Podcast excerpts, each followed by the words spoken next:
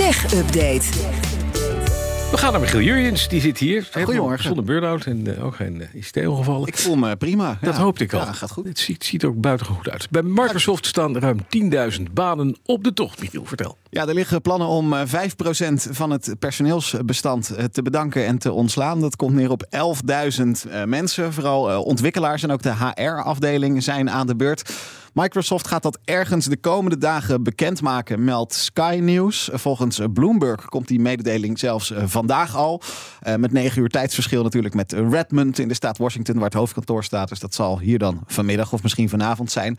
Het zou betekenen dat Microsoft hetzelfde doet als uh, eerder al Amazon en Meta deden. Amazon kondigde begin dit jaar aan dat daar 18.000 banen verdwijnen. 6% van het hele personeelsbestand.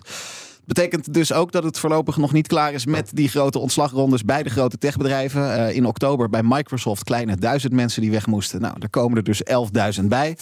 Uh, Satya Nadella, de CEO, die heeft vorige week gezegd dat uh, hij verwacht dat de wereldwijde tech-industrie rekening moet houden met nog twee moeilijke jaren.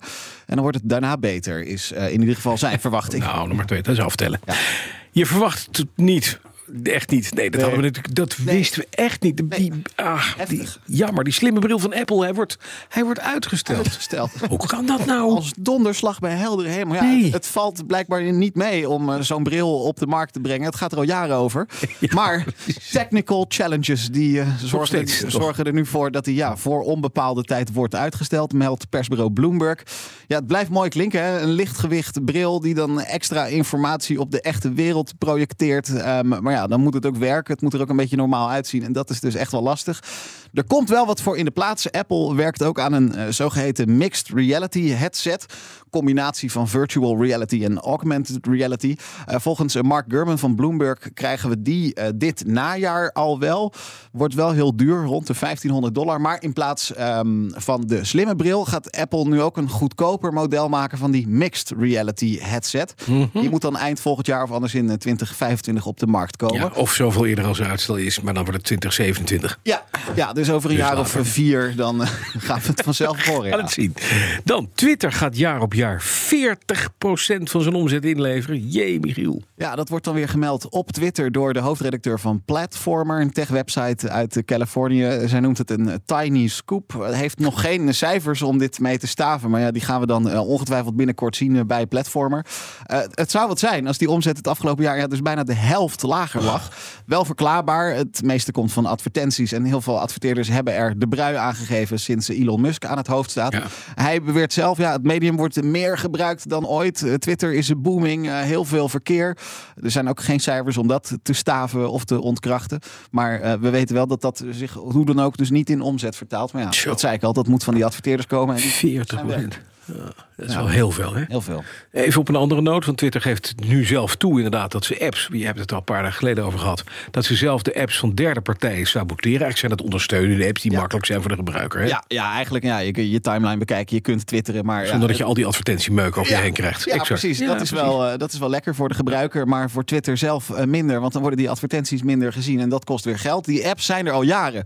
Afgelopen weekend werkte het ineens niet meer. Er waren al vermoedens dat Twitter dat misschien toch wel expres had gedaan. Um, officieel hoorden we niks tot gisteravond. Het uh, officiële account Twitter Dev uh, liet weten, ik citeer even. Twitter handhaaft zijn al lang bestaande API-regels. Dat kan ertoe leiden dat sommige apps niet werken. Uh, het probleem is alleen, we weten niet wat die regels zijn. Die API-regels. Ja, de, de ontwikkelaar van Tweetbot die reageert ook. De softwarebedrijf Tapbots ja? is dat zij zeggen, ja, onze app bestaat al tien jaar. We hebben ons altijd aan de regels gehouden. Als er nu iets is waar wij niet aan voldoen, dan willen we daar heel graag ons best voor doen. Uh, maar, zo zegt Tabbot, dan moeten we wel weten wat die regels zijn. En API? Dat weten ze niet. Regels? Ja, de API-regels. Ja. ja. Maar, ja, is, uh, maar wat die dan behelzen, huh? ik weet het niet. En nee. de mensen die ermee te maken hebben, weten het ook niet. Nee, maar degene die erover ging, die werkt niet meer bij Twitter. Oh ja, oh, dat is ook niet handig. Dat zou heel goed kunnen, dat hè? is ook niet handig.